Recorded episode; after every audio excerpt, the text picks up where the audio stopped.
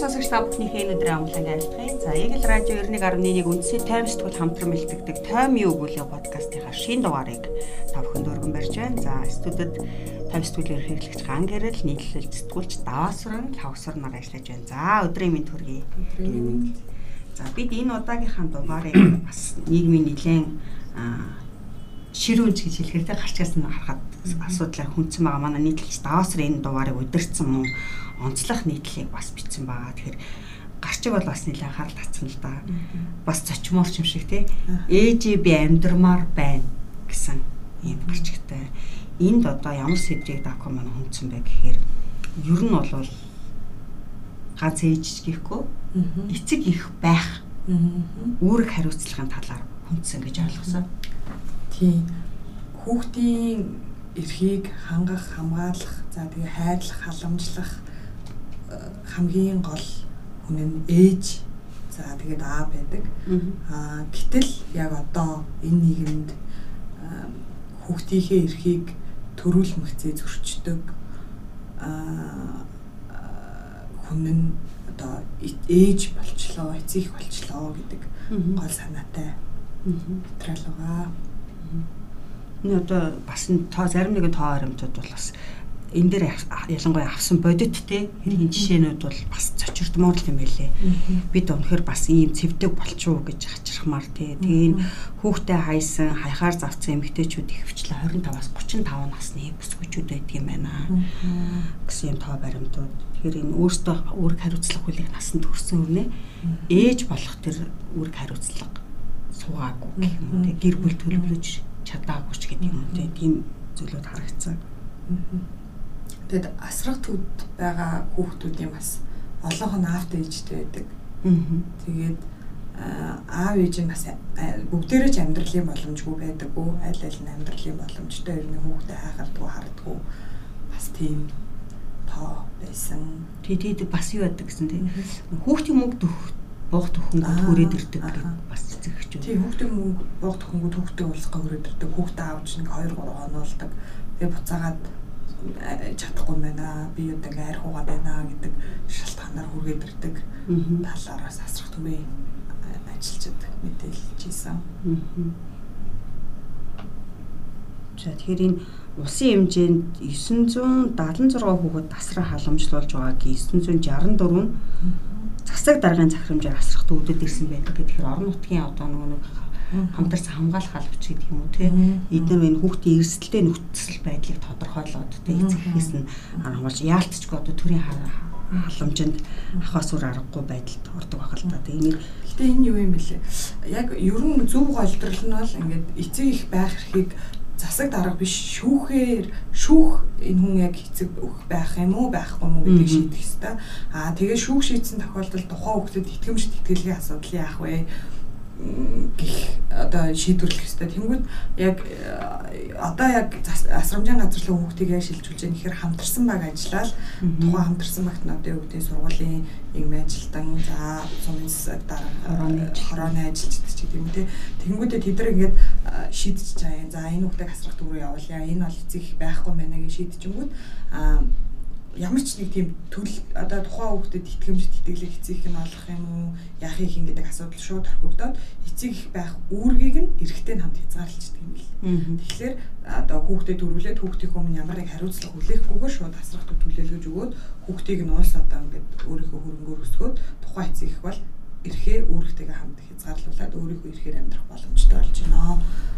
Тэгээ энэ нас учир дутагдaltaй байна гэдэг мэрэгчлэтнүүд ярьж байсан. За тэгэхээр энэ товчхондоо бол манайхны нэг үг гэдэг чинь хүүхэд хүнс дагуулж ирнэ гэл тэ хүүхэд өөрөө хоолтойгоо ирдэггүй шүү. Хүүхэд хариуцлага дагуулж ирдэг шүү гэдгийг бол бас эцэг эхчүүд хаан хаанаа л анхаарах цаг болсны бас нэг жишээ маш олон жишээнүүд энэ нийтлэл дээр байлээ л дээ.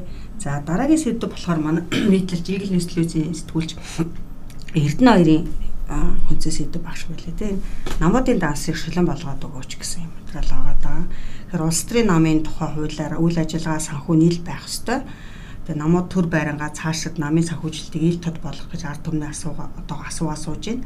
Одоо үндсэн хуулийн нэмэлт өөрчлөлт. За энэ хаврын улс төр бол бас нэлээд халуухан болох шинжтэй байгаа. Тэгэхээр Эрка маань бас энэ сэдвийг хүндсэн байгаа. Тэгээ ер нь бол улс төрийн энэ намуудын санхүүжилтийг ил тод болохгүйгээр одоогийн улс төрийн алдаа завхарлыг засах ямарч боломжгүй юм аа гэдгийг хүндсэн байлээ.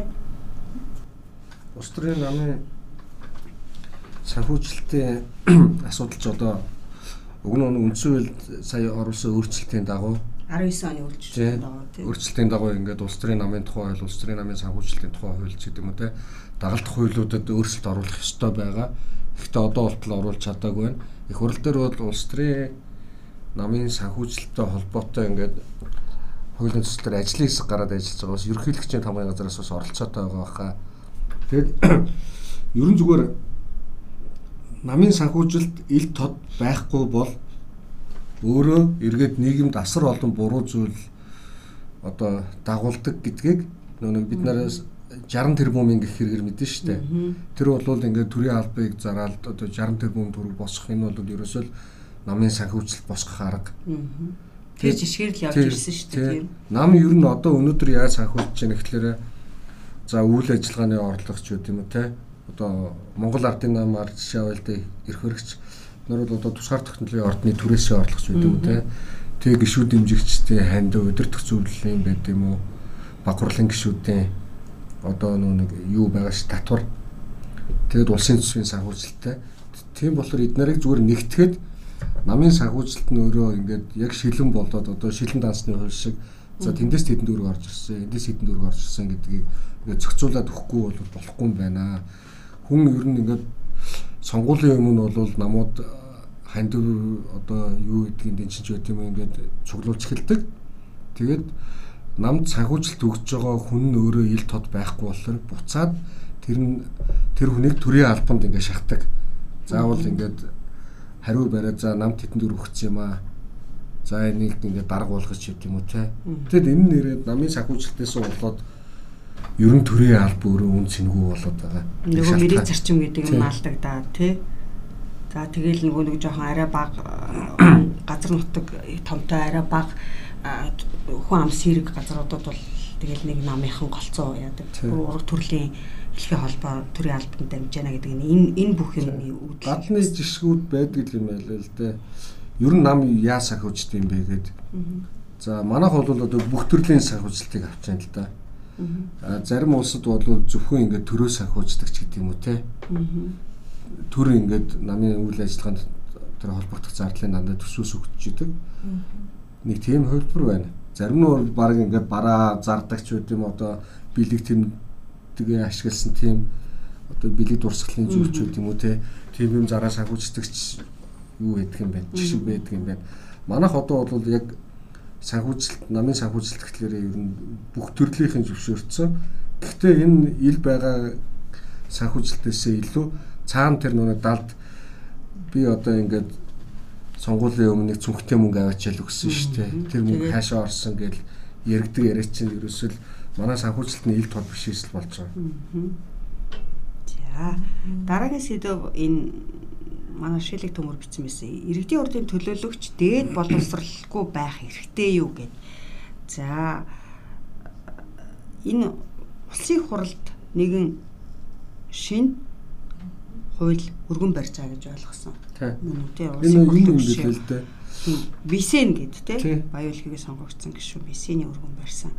Иргэдийн төлөөлөгч хурал нэр дэвшигч нь дээд боловсралтай байхыг энэ хуулиар шаардж байгаа одоо та хэд анзаардаг үстэй нэг байс гэдэл нэг нэг сумынч байд юм уу дүүргийнч байд юм уу ингээд засаг даргын тамийн газрын нэг үүсэх юм бөө халдаатай нэг бичиг гарч ирээд албан бичгүүд гарч ирээд бид нар тэр чинь сошиалаар явахад нь шоолол өнгөрдөг шүү дээ.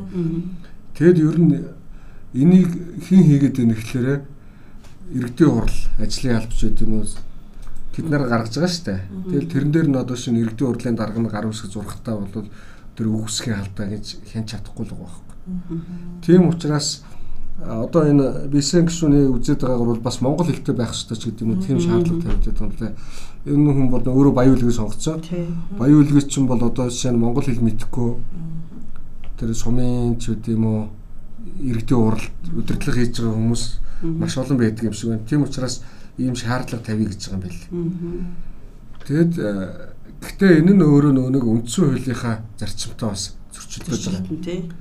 нөгөө хүнийг сонгох сонгох. сон тий боловсролж болохгүй гэдэг. сүнг энтер гэдэг нүг ялгарлан гадуурх. Хүнийг боловсролоор нь ялгарлаж болохгүй хүн бүр сонгох сонгох хэрэгтэй гэсэн энэ зарчмыг бол бас одоо их хурлаар хилцэх үед бол энэ шүүмжлэл гарах нь гарцаагүй гэдэг чинь. Миний одоо таагаад байгаагаар одоо таамаглаад байгаагаар энэ хууль ер нь батлагдахгүй байх уу? Тий, тий. Тэгээ бид нар чинь улсын хурлд бүр ерөнхийдөө үндсэн хууль зөрчин. Хоёрдугаарт улсын ерөнхийлөгч нь өөрөө тусгай дунд боловсралтай хүнийг бид нэр сонгоол гаргаад ирж байсан шүү дээ. Тэгэхээр хүнийг нөө боловсрлоор нь яаж болохгүй байхгүй. Гэхдээ боловсралгүй байх нь хүний эрхч гэлээ өөрөөсөө гадна бусдыг төр төлөөлж байгаа хүн бол бас боловсралтай л байх хэрэгтэй. Юм хоёр талтай. Энэ нэлээд маргаан дагуулах сэдв болох байхаа. За дараагийн сэдвийг манай залуус тгүүлж лувсын ямдан бичсэн. За даяаршиж буй технологи гэд маш сонирхолтой технологийн дэвшлүүдийн талаар хүндсэн байлээ. За жишээлбэл гүйдэг гутал удахгүй худалдаанд гарах гэж байгаа юм байна. За энийг би бас өөр газраас харсан юм байна. Энэ холыг ойртуулдаг гэд хол одоо төв дэлхийг алгасаад хоёр өөр твд амьдарч байгаа хосууд гар утасны тусламжтайгаар үсэлцэж болох нэ. Энэ их сонирхолтой санагдсан. За биеийн дулаан дулаан. Тий, бие дулааныг мэдэрдэг. За тэгээд э, удамшлын өвчин өвлөгдөхгүй болох нь тий За хүсээгүй жирэмслэлт бууж болох нь буурах тийм технологийн шийдлийг орцсон байлээ. Дааврын юмыг нэрхтээ нуух юм билээ. Харин тий. Жолооны хүрдэггүй автомашин замын хөдөлгөөнд ч оролцож болно гэх мэтчлэн технологийн дэвшил бидний амьдралыг асар хөнгөвчлөх ирээдүйд ойрын ирээдүйд шүү дээ. Бараг ирээдүйд биш ер нь хэрэгжээд эхэлж хэрэгжээд эхэлсэн юм зүйлүүд байлээ. За энийг сэтгүүлээс уншуул сонирхолтой баг. За дараа нь манай залуу сэтгүүлч Ням Цэрэн бас анхныхаа нийтлэлийг үндсэд тавь сэтгүүлд энэ удаад гарсан байгаа. За тэгэхээр анираар амиа золих уу гэд. За уран дулааны улирал эхлэхээр л манайхан ч малгайгаа тайлаарч хөвчөө зүгээд эхэлдэг. За чихвчнээс үүдэлтэй зам тээврийн осол аваарт өртөх те ийм зүйлүүд бол тохиолддог бас хэрэмжтэй байх хэрэгтэй. Үүнээс гадна тогтмол чихвч хэрэглэх нь сонсгол буурах юм эрсдэлтэй гэдгийг ер нь бол эмч мэрэгчлэнүүд байнга сануулдаг. Гэхдээ дахин дахин сануулхад илүүдэхгүй зүйл гэдэг бас Нямка маань хүндсэн байлээ. Тий. Манай улсын хүн амын тооцоон ч гэсэн гар утасных нь хэрэглэгч бол 4.3 сая төгрөг. Ер нь л мөнхийн одоо гар утас хэрэглэж байгаа шүү дээ. Гар утасны хэрэглээг дагсан чихвчний хэрэглээ гэдэг бол асар 60 60-ын дүрм гэж бас байдаг юм билээ шүү дээ. Тийм байл тий. 60 минут өдөрт. Тэгээд тэр нэг хэмжээ нь 60-аас сэтрэхгүй гэдэг.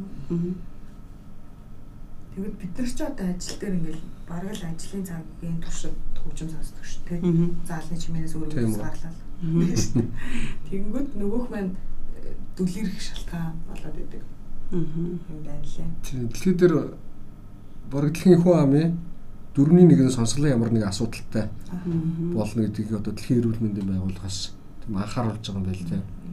Тэгээд сонсголын бэрхшээлтэй хүмүүсийн бол бараг дийлэнх олонх нь тийм олдмол бэрхшээлгээд одоо энэ чихвчний буруу хэрэглээ одоо орчны бохирдол ч гэдэм үү тийм юмс болд юм шиг л. За энэ бол бас нэлийн анхаарал татсан анхааруулжтай сэдвээ. За дараагийн сэдвийг бас Ямка маань бас ахын хүрээний асуудлыг хүндсэн байгаа. Соёл. За энэ болохоор дарс таашрах соёл гэдэг.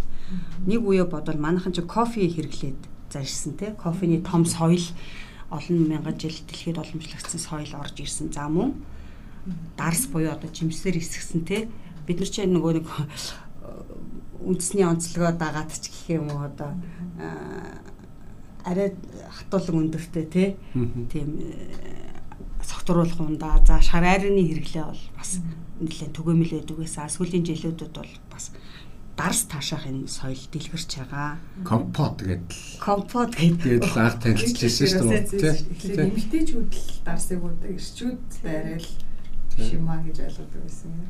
Тэгэхээр энэ бас мэрэгчлэтнүүдийн олон сонирхолтой зөвлөгөө. За энэ бол Европоос Азад, Азаас Монголд нэлээд сайн дэлгэрч байгаа соёл соёлын талаар өгүүлсэн цон сонирхолтой юм билээ. За дараагийн сэдвийг манай урлагийн тамч Эрдэнэ чимэг бичсэн. За дөнгөж э, өнгөрсөн сард Улсын дур бүжиг эрдмийн театр энэ 32 хунтай анхны хунтнуураа тавьсан байгаа. За энд тэргүүн цагаан хар хоёр хүнгийн гоцлол бол тун анхаарал татж олны талаараа төвлөсөн. Тэгэхээр тэргүүн хунгуудтай Эрка маань ярилцсан байлээ. За цагаан хүн азиатад марл гоцолсон бол хар хунд хулан гоцолсон. Тэгэхээр ийм дөрийн театрын хоёр шинэ гоцлооч тэргүүн хунгуудын ярилцлагыг бас сэтгүүлээс олж уншаарай. За үндсийн тойм сэтгүүл урлаг болонгаараа дэлхийд дахина нэр алдарн төгсөн уран зургуудыг сонирхолтой тайлбарын хамт төрөдөг манай даасрын буланг бол хариуцж бэлтгэдэг байгаа. Тэгэхээр энэ удаад Леонардо да Винчийн сүүчийн зоог гэмээр дэлхийд хамгийн алдартай ялангуяа Христийн шашинтуудад нэлээд алдартай энэ зургийн талаар сонирхолтой тайлбарыг бас өгүүлсэн байлээ. За. За дараагийн сэдвийг бид э, ер нь бол ингээ үнсээ тавьсдгуулийн тэд болонд бас олон сонирхолтой материалууд энэ удаад орсон. За олон улсын эмэгтэйчүүдийн эрхийг хамгаалах өдөр буюу Мартин 8-аар гарч тохиож байна тий. Тэгэхээр манай орчуулагч редактор Аз заяа эрхээ эрэлхийлсэн 100 гэдэг. Ер нь бол 1910 одоо бас 115 жилийн өмнө Нью-Йорк хотод анх одоо эмэгтэйчүүд эрэгтэйчүүдтэй адилхан цалин авахыг шаардсан сонгуулийн сонгуул өгөх эрхээ шаардсан юм жигсаал болсноос хойш бол ер нь олон улсын эмэгтэйчүүдийн өдөр тэр өдрийг олон улсын эмэгтэйчүүдийн өдөр гэж тэмдэглэж ирсэн. Тэгэхээр энэ 100 гаруй жилийн хугацаанд бол дэлхийн нийтэд эмэгтэйчүүдийн эрхийг хамгаалах тал дээр хүүсийн тэгш байдлыг хангах чиглэл тодорхой хэмжээний ахс дэвшил гарсан. Гэхдээ дэлхийн бас олон үндэс болонд ялангуяа исламын шашинтай орнуудад бол эмэгтэйчүүдийн эрх зөрчигдсөн хിവэрэ байгаа юм шүү гэдгийг бас энэ сэдвэр хүнсэн байл энэ дотор бас нэг анхаарал татчих байгаа зүйл нь насанд хүрээгүй охтуудын хэрлэлт айхтар те. Одоо энэ 21-р зуун бид ингээл технологийн дэвшил яриа сууж байхад тэнд 18 нас хүрэхээс өмнө хүчээр богтлогдож гэрэлсэн 650 сая эмэгтэй оршин сууж шít. Бодгоор тэгээд одоо саяхан өнгөрсөн жилээс буцаад талибын дэглэмийн хатуу хяналтанд орсон Афганистан тэгэхэд дахиад охтуудын эмэгтэйчүүдийн сурч боловсрохыг тэр бат ажил хийх эрхийг хүртэл хаагаад эхэллээ. Тэгэхээр эмэгтэйчүүдийн өнөөдөр бас тэр нэгдсэн үндэсний байгууллагын ерөнхий нарийн бичгийн дарга хамтан нэг Гүтершээ бас ярилцлага байлаа. Хүүсийн тэрхшиг хангах цаг арай болоогүй байна. Энийг хангахад маш олон жил шаардлагатай байна гэсэн юм анхаарал татсан. За дараагийн сэдвийн Elon Musk гэдэг дэлхийн тэр бомтон Twitter Inc компани буюу жиргэг худалдаж авсан. За Elon Musk Twitter худалдаж авснаас хойш маш олон бодлоо илэрч байгаа. За Elon Musk өөрөө ч бас нэлээд бодлоо тарьж байгаа. Тий тэгэхээр жиргэний ертөнц яг Elon Musk худалдаж авснаар чөлөөлөгдөж чадсан уу? Эсвэл бол одоо тэр бомтны дураараа дөргөх бас нэгэн талбар босно уу гэдгийг үндэсний дамжтгуулээс онцолж уншаарай. За мөн технологийн салбарт манай орчуулагч ган чимэг TikTok-ийн цаана гэдэг сонирхолтой материал нийлсэн байгаа. Тэгэхээр бид нар нийгмийн сүлжээнд янз бүрийн бичлэг ганц TikTok ч гэхгүй нийгмийн сүлжээнд янз бүрийн бичлэг бичвэр оруулахдаа өөр хин нэгний эрхийг эрхэнд халдж байгаа юм шүү. байж болцшгүй гэдгээ та бүхэн бас бодоорой. Годомжийн тэн дуртай хүнийхээ маад ч бас тийм жишрүүд олон тохиолддог те. Хин дуртай хүнийхээ бичлэгийг аваа тавьдаг. Тэгтэл цаанаа тэр хүн тэр өөрийнхөө бичлэгийг нийтүүлэх дуртай байх эсвэл өөр нөхцөл байдалд орсон байхад тэр нь огт өөрөөр тайлбарлаад хэлмэгдүүлэх те олон сошиал буул ингээд доромжлол хүртэх юм шалтгаан болдгоо шүү гэдгийг бас энэ нийтлэлээр анхааруулсан байлээ. За ингээд үнсээ тамирчдгол уламжлалт тасаараа 7 хоногийн онцлог гэрэл зургууд онцлог агшнууд за мөн онцлог ишлүүдийг бас багтаасан байгаа. За ингээд дараагийн дугаараар дахин уулзлаа баяртай. Баяртай.